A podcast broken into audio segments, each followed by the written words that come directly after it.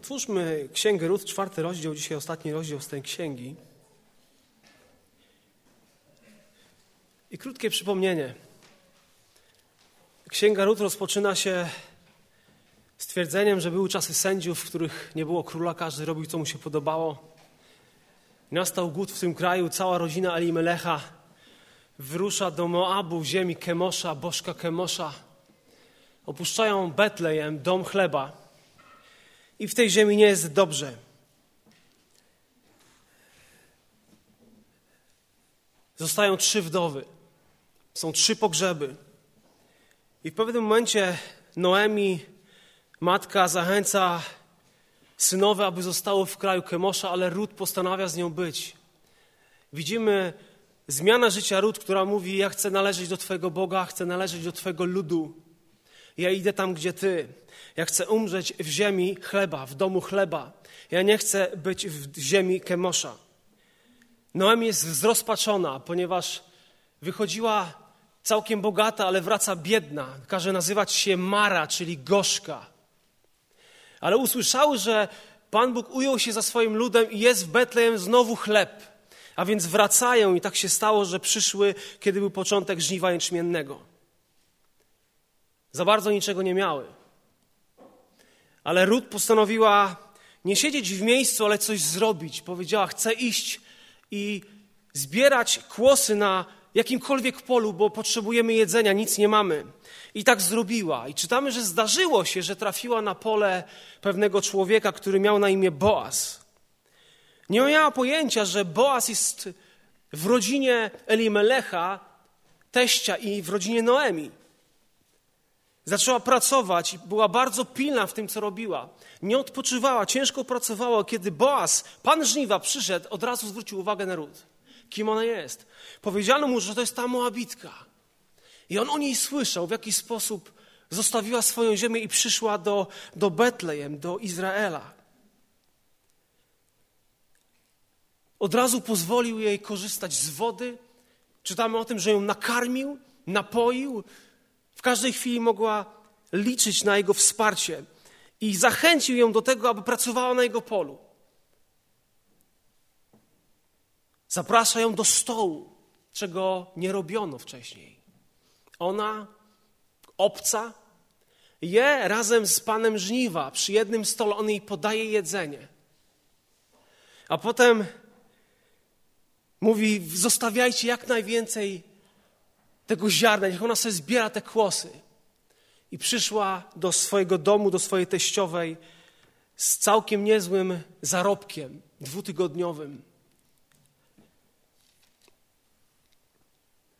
Była na tym polu Boaza przez cały okres żniwa jęczmiennego i pszenicznego i w trzecim rozdziale czytamy o tym, że Naomi postanowiła coś zrobić. Ona jest sama, a powinna mieć męża, a więc kieruje Rut do tego, aby w jakiś odpowiedni sposób się ubrała, przygotowała i przyszła do Boaza i znalazła się u jego stóp i poprosiła o to, żeby ten człowiek stał się bardzo bliski jej.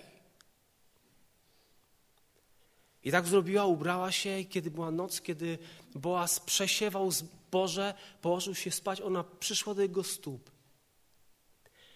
Ale czytamy o tym, że bardzo mocno zaryzykowała. Bo powiedziała coś, co jej teściowa nie kazała. Powiedziała, rozciągnij swój płaszcz na swoją służebnicę, boś ty wykupiciel. Chcę być tylko twoja. Chcę należeć do ciebie.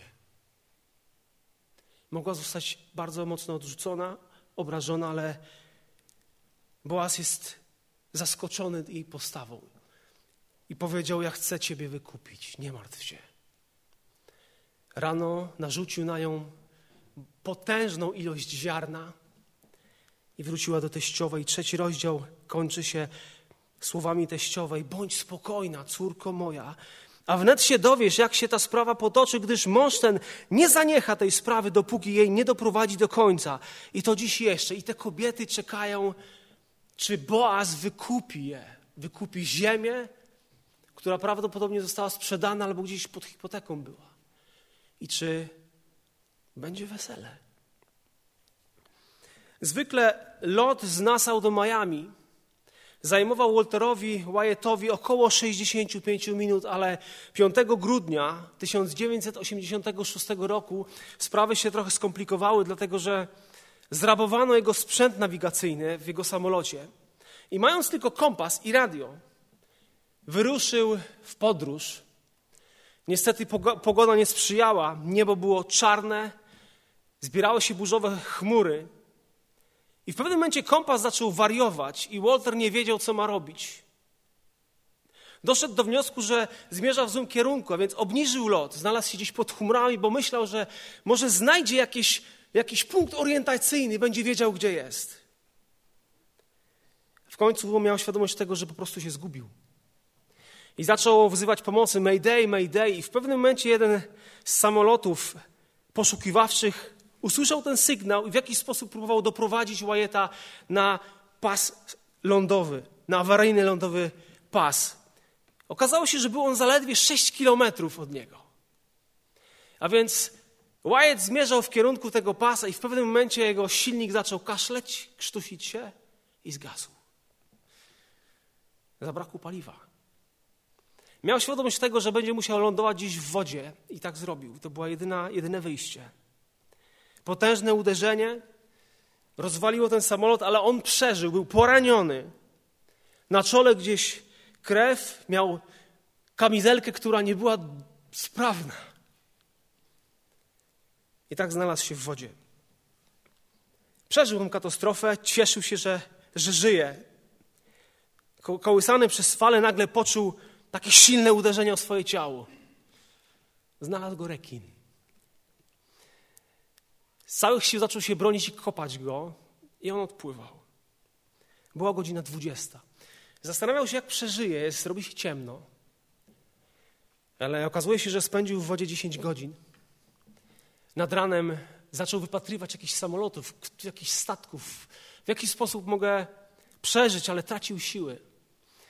Znowu zobaczył płetwę rekina, która płynie w jego kierunku. Znowu uderzył, ale już nie miał sił. Tak ciągle i warczyć. Za jakiś czas zobaczył dwie płetwy, które płyną w jego kierunku. Uderzył, odpłynęły. I w pewnym momencie usłyszał samolot. Zdjął tą kamizelkę, zaczął machać. Okazało się, że pilot zobaczył tego człowieka i zaczął nadawać do pobliskiego statku, który był zaledwie 12 minut od niego. I ten pilot zaczął, zaczął mówić: Ruszcie się! I tutaj pi, tego człowieka atakuje rekin. Ruszcie się! Po 12 minutach dopłynął statek, rzucono drabinę, wyciągnięto go z wody, wszedł. To, co zrobił, to pocałował. Pokład, żyje, przeżył. Jego nie obchodziło to, czy to będzie samolot ratunkowy, czy łódka ratunkowa, czy łódź cokolwiek. Potrzebował natychmiastowego ratunku. Potrzebował tego, żeby go wyjąć z wody i on czekał na to. I Rut i Noemi również czekały. Czekały na, na to, jak się potoczą sprawy. Czwarty rozdział. W tym rozdziale czytamy tak. Tymczasem Boaz poszedł do bram miejskiej i usiadł tam, a właśnie przechodził tam dędy wykupiciel, o którym Boaz mówił. Zawołał więc do niego, hej ty, zatrzymaj się i przysiądź się do mnie. A on zatrzymał się i przysiadł się do niego. Potem sprowadził dziesięciu mężów spośród starszych miasta i rzekł do nich, siadajcie tutaj. A oni usiedli. Bramy miasta to było miejsce takie społeczno-biznesowo-sądownicze gdzie rozstrzygano różne sprawy, tam się działy różne umowy, podpisy, jakieś problemy, rozstrzygano sprawiedliwość. Obok tych murów były ławy, na których siadano i załatwiano biznesowe sprawy. Publiczne miejsce. Do takich spraw potrzebni byli starsi miasta. Boaz miał świadomość tego, że tamtędy będzie przechodził ten pierwszy wykupiciel. I tak się stało. I gdy Boaz zaprosił go, chodź tutaj usiądź, to to była oznaka tego, że szuka, szykuje się jakiś poważny biznes. Będzie coś do, do ugrania. On był wykupicielem, ten pierwszy, pierwszy człowiek. Wykupić znaczy wypuścić na wolność, zapłaciwszy cenę. Prawo mojżeszowe regulowało i mówiło o tym, jakie, jest, jakie są obowiązki wykupiciela. W księdze Lewitikus 25 i Deuteronomii czytamy o tym, jak, co ma zrobić wykupiciel. Jego cel zachować imię i dziedzictwo w Izraelu, w obrębie rodziny, kogoś, kto zmarł. Goal, wykupiciel, bliski krewny, albo po prostu nazywany wykupicielem. Miał legalne prawo, zgodnie z prawem mojżeszowym, aby to zrobić.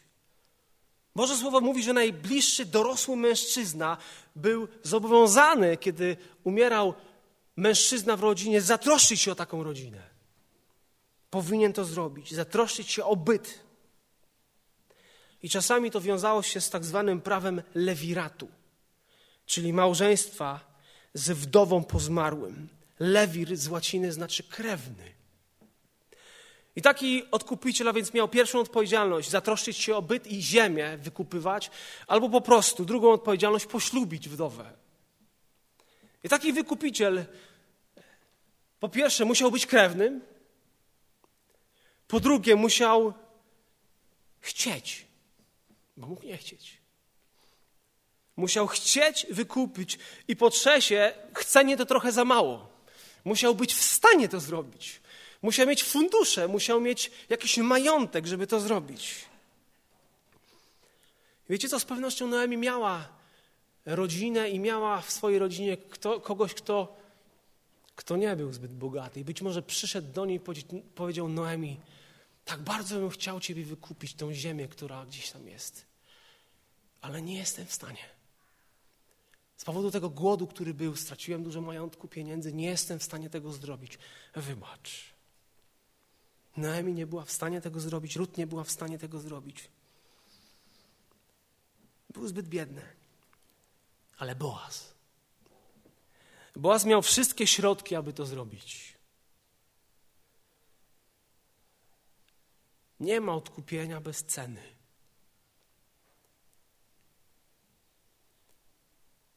I wtedy Boaz mówi rzekł do wykupiciela. On jest bardzo mądry i sprytny w tym, co mówi. Noemi, która powróciła z pól moabskich, chce sprzedać ten kawałek pola, który należał do naszego brata Limelecha. Pomyślałem więc sobie, że wyjawię to przed tobą i powiem, nabądź go ty w obecności tych oto obywateli i w obecności starszych ludu. Jeżeli chcesz go wykupić, wykup. A jeżeli nie chcesz go wykupić, powiedz mi, abym to wiedział, gdyż oprócz ciebie nie ma innego wykupiciela. Ja zaś jestem dopiero po tobie. A tamten rzekł, ja go wykupię.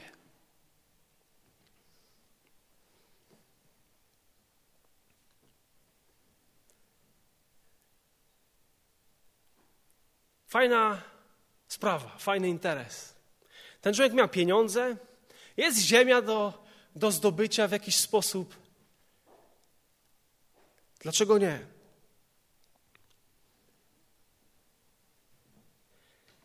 Ale wtedy, kiedy Boaz poznał jego intencje, że chce to zrobić, to zaczął mówić, zobaczcie, na początku nie wspomina nic o ród.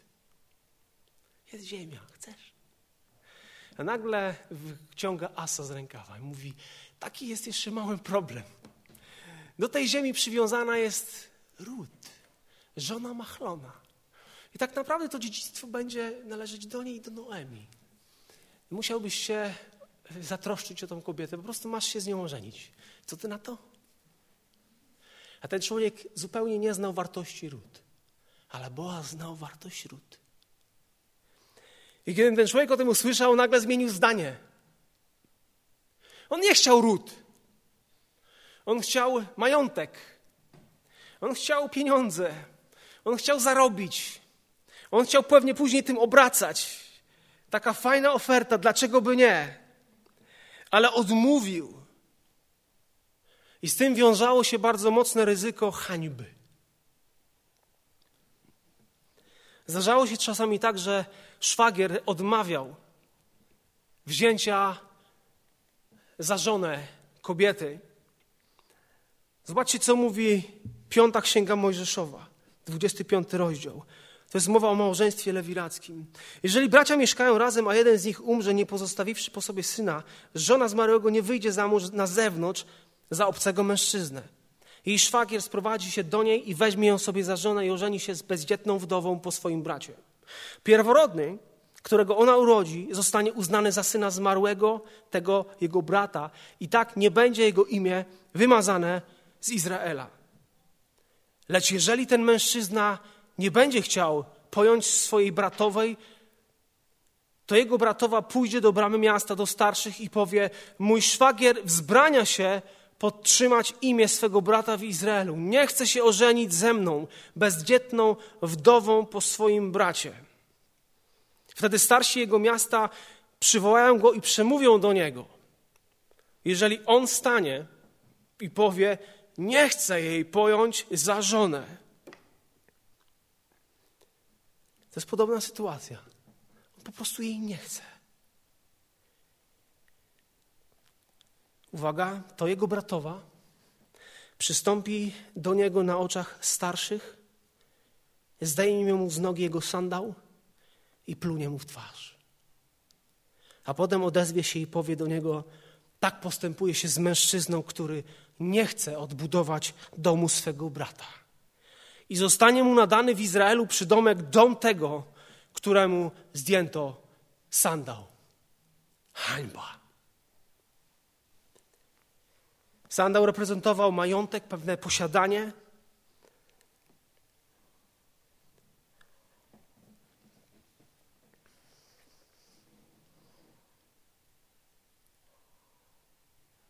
Ale tutaj o tym, o tym nie czytamy. Boaz powiedział, w dniu, w którym nabędziesz pole z ręki Noemi, musisz ten, też pojąć Rut Moabitkę, wdowę po zmarłym, aby zachować imię zmarłego na jego dziedzicznej posiadłości. Wówczas wykupiciel powiedział: Nie mogę wykupić go dla siebie, aby nie narazić mojego własnego dziedzictwa. Przejmij ty dla siebie moje prawo wykupu, gdyż ja nie mogę go wykupić.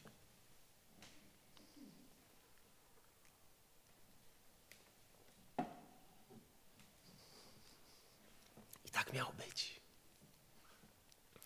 I myślę, że właśnie na to czekały zupełnie nieświadome Ruth i Noemi jak ta sprawa się potoczy.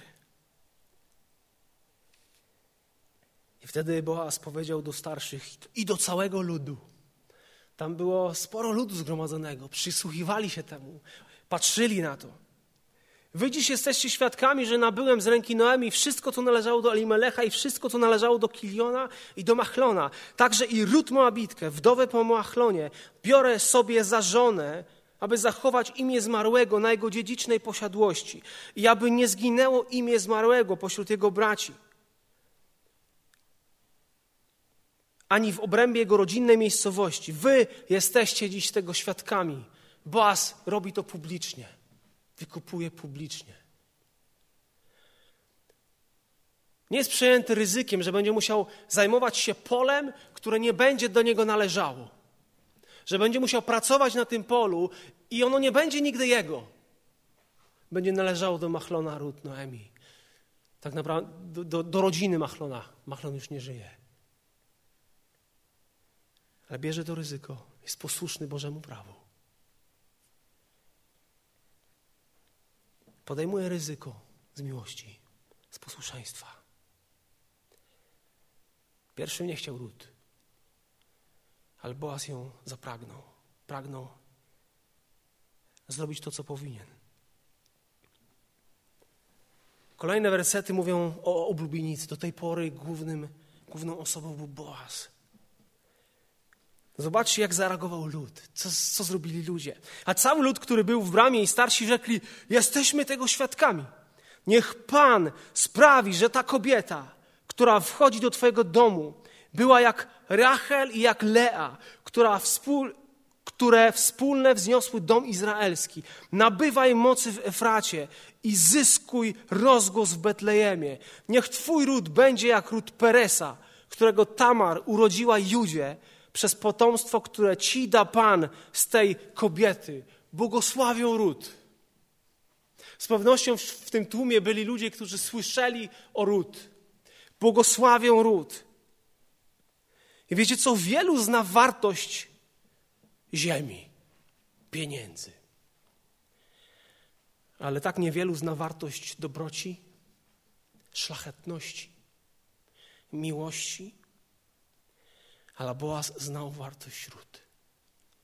W jego oczach była bardzo cenna. Wykupiciel, ten pierwszy wykupiciel, który odmówił, nic nie słyszymy o jego dziedzictwie. Jego imię poszło w zapomnienie, jego rodzina. Nic o nim nie wiemy, ale wiemy dużo o Baale.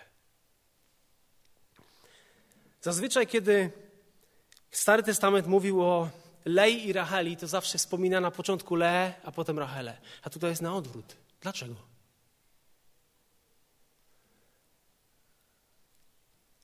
Dlatego, że Rachala nie mogła mieć dzieci. Ale w pewnym momencie Pan sprawił, że zaczęła rodzić. Urodziła Józefa. Urodziła Beniamina.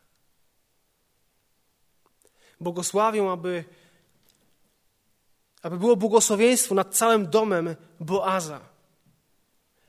Efrata znaczy owocny Betlejem, dom chleba. I również wspominany jest Perez. A co to za jegomość? Syn Tamar i Judy. To jest historia nie do końca e, wspaniała i miła, dlatego że Tamar odmówiono prawa lewiratu, małżeństwa lewirackiego. I ona poszła, e, zaczęła podstępem, zaszła w ciążę ze swoim teściem. Jej teść chciał ją zabić, bo to była niemoralność. Ona wtedy się przebrała za nierządnicę. Ale w pewnym momencie do Judy doszło, doszła ta świadomość, że on odmówił swojej synowej tego prawa. I z tego związku pojawił się Perez.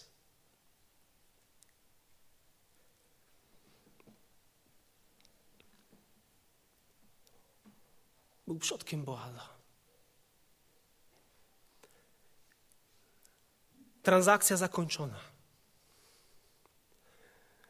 Wprawiono ślub. I czytamy, Boaz pojął więc Rut. W końcu dotarły wieści do Rut i do Noemi. Stało się. Boaz to zrobił. Boaz wykupił. Możesz świętować, możesz mieć cały czas na sobie te szaty odświętne, weselne, bo już niebawem będzie ślub i ten ślub się zadział. Boaz pojął więc Rut za żonę, a gdy z nią obcował. Dalej czytamy, Pan sprawił. Pan sprawił. Nie wiemy, dlaczego nie miała dzieci wcześniej. Czy z powodu machlona, czy to była powód po jej stronie. To jest nieważne. Teraz czytamy, że Pan sprawił. Pan sprawił, że poczęła i urodziła syna. Błogosławieństwo dla każdej rodziny izraelskiej. Syn, bo być może on będzie Mesjaszem. Syn. I kiedy sąsiadki zobaczyły to wszystko,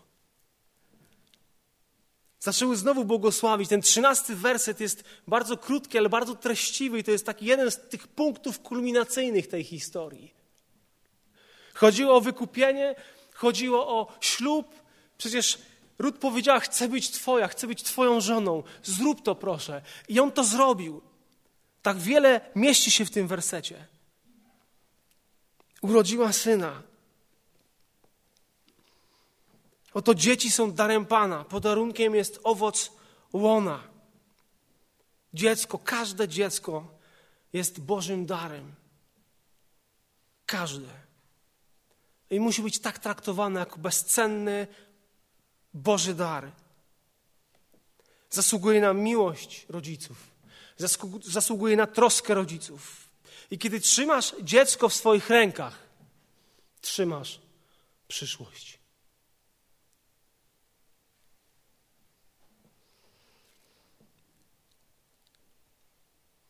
Wtedy powiedziały kobiety do Noemi: Błogosławiony niech będzie Pan, który cię dziś nie pozostawił bez wykupiciela i niech imię Jego będzie głośne w Izraelu. Niechaj ten będzie dla Ciebie krzepicielem duszy i żywicielem w Twojej starości, gdyż urodziła go Twoja synowa, która Cię miłuje i która jest dla Ciebie lepsza niż siedmiu synów. Siedmiu synów w rodzinie to był objaw niezwykłego Bożego błogosławieństwa. A one mówią, ród jest cenniejsza niż siedmiu synów. Jaką wielką wartość ma ród. Ogromna. I urodził się Obed, którego imię znaczy sługa. Dla Noemi był jak syn. Wyobraźcie sobie tą starszą kobietę, która trzyma go na swoich nogach. Mówi do niego. Bawi się w swojej starości z nim. To jest ktoś, kto będzie kontynuował imię jej zmarłego męża, syna. Będzie chronił dziedzictwo, kiedy jej zabraknie, kiedy już Boaza zabraknie. On będzie kontynuował to imię. Pustka tej żałoby zastąpiona przez, przez, przez pełnię. Gorzkość już jej nie ma. Jest radość. Imię Elimelecha i Machlona nad tej ziemi nie przepadnie. Jest potomek. Teraz Noemi ma obrońcę Boaza i ma wnuka.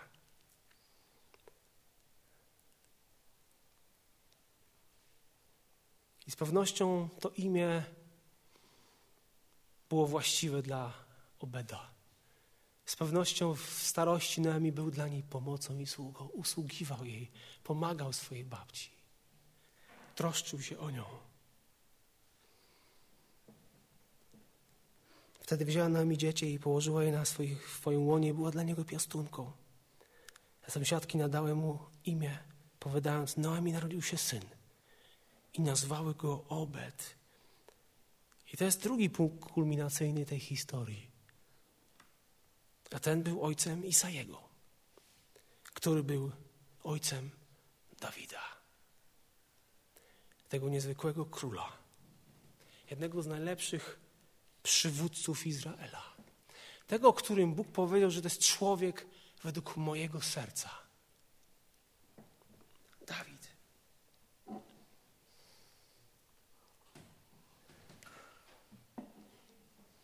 Każdy Izraelita, który czytał tą księgę, kiedy o tym przeczytał, był zdumiony, zaskoczony tym, jak się sprawy potoczyły.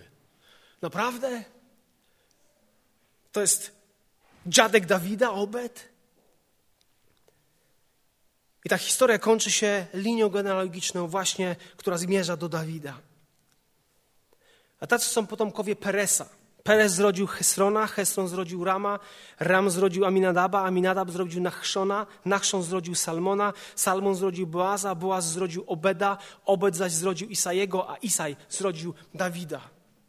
O Peresie już powiedziałem. Kim był Hesron? Był wśród rodziny Jakuba, która znalazła się w Egipcie. Ram, o nim wspomniane jest, wspomniane jest w pierwszej księdze kronik. Kim był Aminadab? Był teściem Arona. Nachszon był głową całego domu Judy. Tego plemienia, z którego później wychodzi Mesjasz. Salmon był ojcem Boaza, Boaz ojcem Isajego i potem pojawił się Dawid.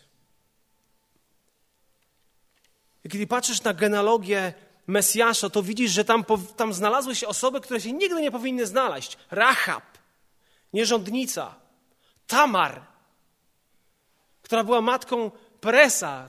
Taki haniebny występek. Jest Ród, obca, Moabitka.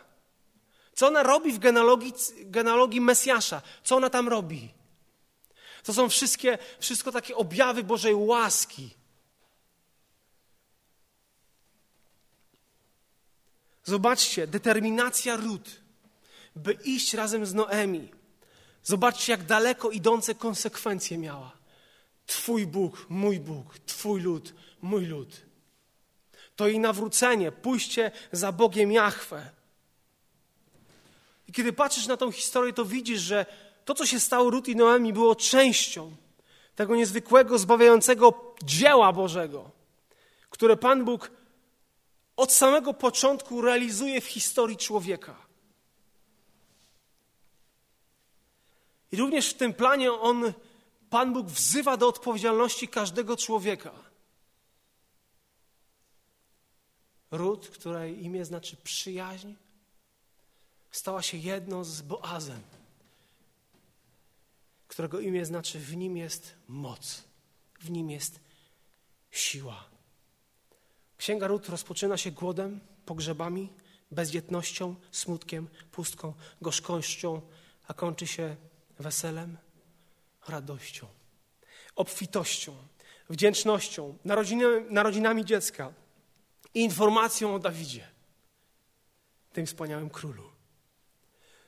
Zobacz, jaka jest historia ród. Od samotności do miłości, od trudu do odpoczynku, od pustki do pełni, od biedy do obfitości, od zmartwień do pewności i do bezpieczeństwa, od desperacji do nadziei. Ród Moabitka, nie nazywajcie już jej tak. Ta ród nie jest już ród Moabitką, ale jest ród żoną Boaza. A to imię było poważane w Izraelu. To jest imię z którym można się utożsamiać każdego dnia, ciągle. Kiedy patrzysz na tą księgę, jakie lekcje widzisz dla siebie? Widzimy Bożą opatrzność, Bożą troskę.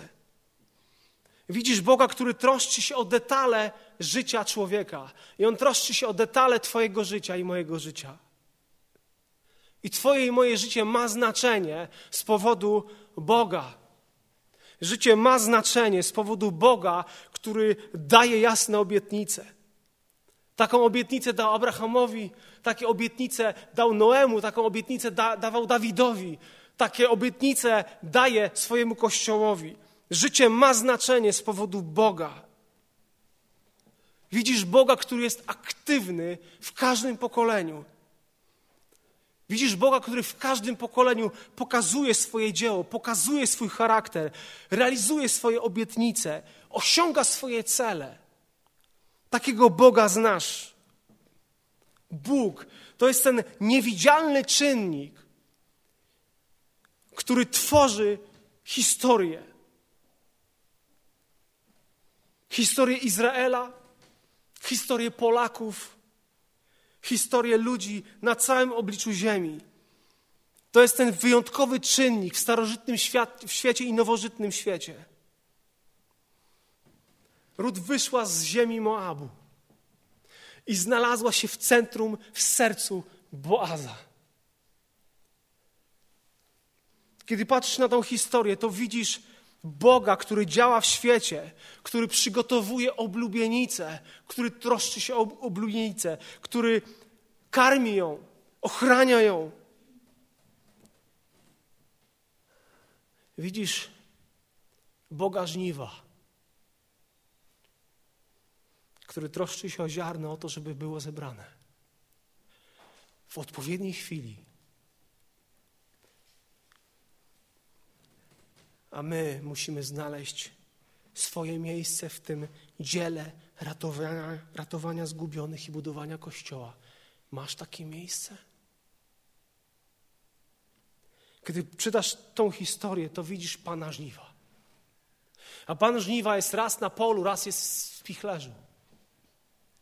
Powiedz mi, do czego Pan Bóg Cię powołuje? Może bardziej jesteś powołany do, do tego, żeby być na polu, wśród żniwa, które ziaren, kłosów, które trzeba zebrać. A może Pan Bóg Cię powołuje do tego, aby być w spichlerzu i przesiewać gdzieś, budować Kościół. Pan Bóg pragnie odpowiedzialności. Kiedy patrzysz na tą historię, widzisz zależność ród od Boaza. Praktycznie ona jest całkowicie od niego zależna. W pierwszym rozdziale lud nawet nie wiedziała, że jest jakiś Boaz że jest wykupiciel, nie miała pojęcia bladego. W drugim rozdziale czyta, że jest biednym pracownikiem, który pracuje i nie ma świadomości tego, chce po prostu przeżyć. To jest drugi rozdział. Otrzymała tyle darów od niego: ziarno, jedzenie, zaproszenie do stołu. Potem czytasz trzeci rozdział, ten punkt zwrotny, kiedy ona mówi: Nie, ja chcę bliższej relacji z nim. I zrobiła to, co zrobiła. Poprosiła o to, by ją wykupił, by się z nią ożenił. Widzisz ją u stóp Boaza kilkakrotnie, który mówi, Panie jesteś, ona mówi, Panie jesteś łaskawy, jesteś miłosierny. Kim ja jestem? Potem prosi wykupienie, również u stóp, u stóp Boaza. I czwarty rozdział to jest wszystko to, o czym przeczytałem. Wszystko to, co miał Boaz, należało do ród. To jest niezwykłe. I wiecie co? Zbyt wielu wierzących zatrzymuje się na drugim rozdziale Księgi Ród. Ciężko pracują, starają się. Chcą mieć dary od, od Pana Żniwa, od Boga, ale nie chcą głębszej relacji z Nim, tak jak Ród. Jak znacząco zmieniłoby się nasze życie, gdybyśmy poddali się Chrystusowi, gdybyśmy pogłębiali z Nim relacje, gdybyśmy powiedzieli: Nie chcę Twoich darów, ja chcę Ciebie, Boże. Ja chcę intymności z Tobą. Ja chcę Cię od Ciebie słyszeć. Ja chcę realizować Twoją wolę. Ja chcę się skupiać na dawcy, nie na darach. Pomóż mi. Kiedy z taką postawą przychodzimy do Pana żniwa, gdy pytamy Go, Boże, gdzie chcesz mnie widzieć w tym kościele? Gdzie chcesz mnie widzieć w tym świecie? Co mam zrobić dla Ciebie? Z pewnością Pan Bóg wysłucha takich modlitw i obficie obdarzy Ciebie swoją łaską, swoją mądrością, swoją miłością, swoją radością i będziesz częścią niezwykłej historii zbawienia. Ty przyłożysz swoją cegiełkę do tego, tej niezwykłej historii ratunku człowieka przez Boga. Kiedy patrzysz na tą historię, kiedy ja patrzę na tą historię, to widzę piękne Boże dzieło zbawienia. Ród obca,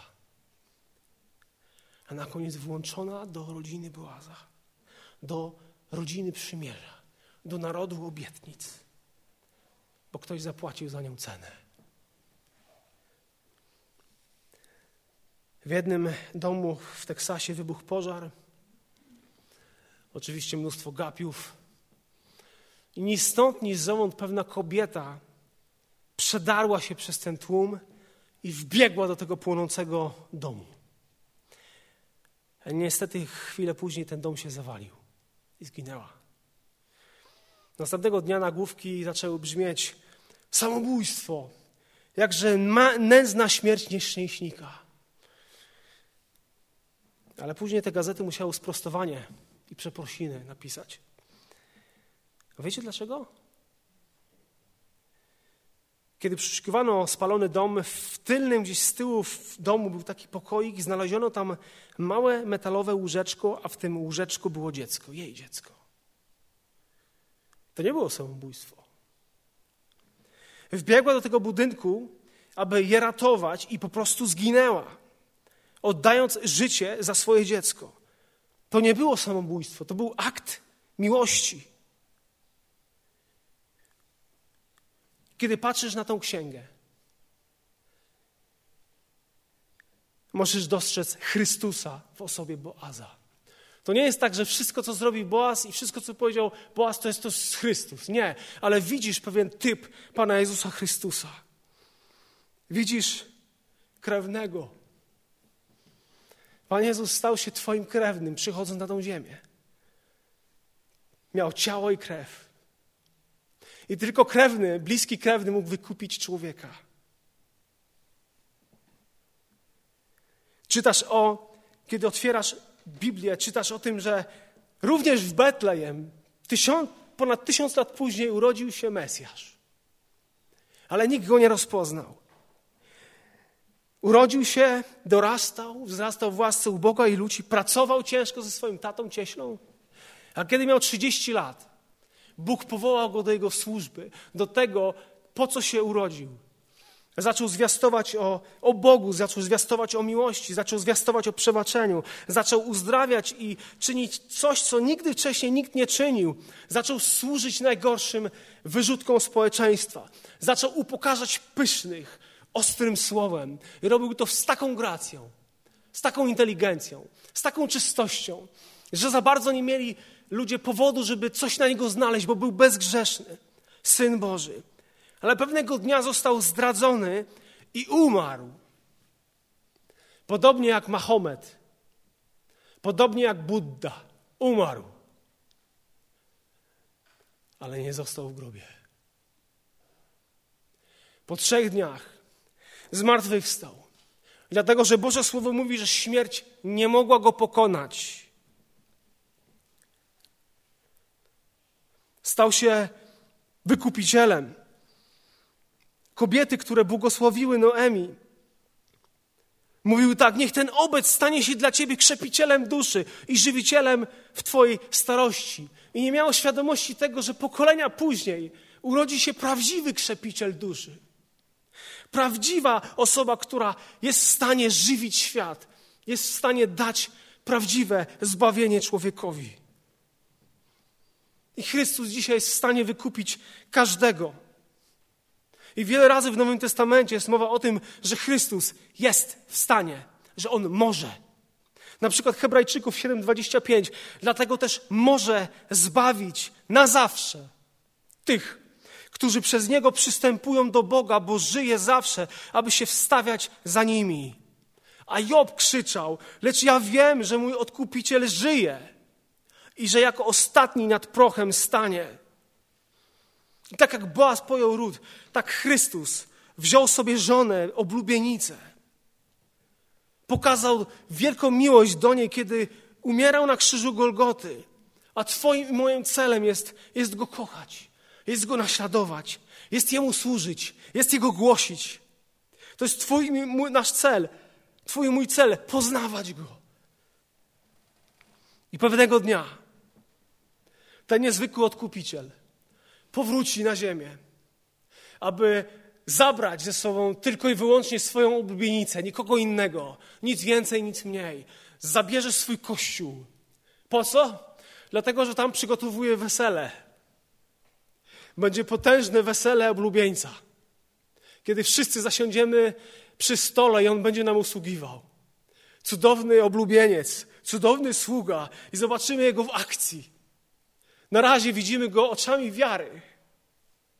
Nigdy go nie widzieliśmy, ale jesteśmy błogosławieni, kiedy uwierzyliśmy wbrew temu, że nie widzieliśmy. Jaka wielka łaska przed nami, jakie wielkie dziedzictwo jest przed Kościołem Pana Jezusa Chrystusa. Historia Rut mówi o takim fizycznym, jakimś materialnym odkupieniu, ale historia Chrystusa mówi o duchowym odkupieniu człowieka, o wykupieniu człowieka. I nikt poza Chrystusem nie mógł i nie może tego zrobić. Nikt i nic. Każdy człowiek jest w niewoli grzechu. Każdy człowiek jest w niewoli diabła, jako swojego Pana, tak mówi Boże Słowo. Ale tą sprawę załatwi Pan Jezus Chrystus. I wiara w Niego uwalnia więźniów. Tak wielu ludzi wśród nas, wśród naszych sąsiadów. Może Ty sam jesteś osobą, która jest zniewolona przez jedzenie, przez seks, przez pieniądze, przez jakieś używki, przez hazard, pracę. Innych ludzi, masz jakieś może związki niewłaściwe. Ale pamiętaj, że jeżeli Syn Ciebie wyswobodzi, prawdziwie będziesz wolny. I zobaczysz różnicę. On stał się Twoim krewnym wykupicielem. On stał się tym, kto chciał. I on stał się tym, kto mógł. Tylko Jego drogo, drogocenna krew się liczy. Pan Jezus Chrystus uzyskał to wieczne odkupienie dla Ciebie. Wieczne odkupienie dla Ciebie. I żadne pieniądze nie są w stanie wykupić człowieka.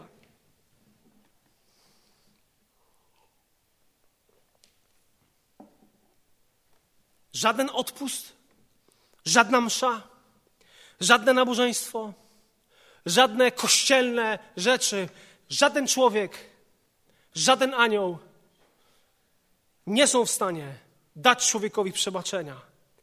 Nawet Twoje własne uczynki. Dwight Moody powiedział takie słowa, kiedy wspominał Łotra na krzyżu. Powiedział tak: Łotr miał gwoździe w obu dłoniach, aby nie mógł zapracowywać sobie na zbawienie. I miał gwóźdź, który, który przeszył jego nogi, aby nie mógł załatwiać spraw dla Pana Boga. Nie mógł podnieść ani ręki, ani stopy ku swojemu zbawieniu. A mimo to Chrystus dał mu dary zbawienia. I ten Łotr przyjął ten dar. Pan Jezus Chrystus rzucił mu paszport i zabrał do raju. Pan Jezus Ciebie zna. Bardziej niż Ty sam siebie. On wie, przez co przechodzisz. On wie, z czym się zmagasz. I, na, i On na to wszystko ma, ma radę. Chce Ci coś dać. Wiesz co? Samego siebie. Samego siebie. Kiedy masz problemy finansowe, nie potrzebujesz pieniędzy, potrzebujesz Jego. Kiedy masz problemy w małżeństwie, nie potrzebujesz porad. Przede wszystkim, po pierwsze, potrzebujesz Jego. Kiedy masz jakiekolwiek problemy, potrzebujesz Jego. Czy był taki czas, kiedy znalazłeś, znalazłaś się u stóp wykupiciela? Tak jak Rut. Masz tyle łaski, Panie. Ja znam swoją wartość i swój grzech. Czy możesz mnie wykupić? Czy był taki dzień w Twoim życiu, kiedy poprosiłeś o odkupienie, o ratunek? Poprosiłeś o zbawienie? Jeżeli nie, Bóg nie jest w stanie, dla, nie, jest, nie będzie w stanie być tym, kim chce być w pełni dla Ciebie. On nie stanie się wykupicielem, który, pamiętajcie, że On dla wierzących pisze cały czas ostatni rozdział. Na początku przytoczyłem historię o Walterze Łajecie.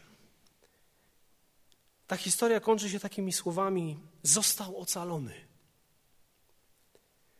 Nie potrzebował zachęt ani lepszych technik ratunku. Potrzebował ratunku, potrzebował czyjegoś działania.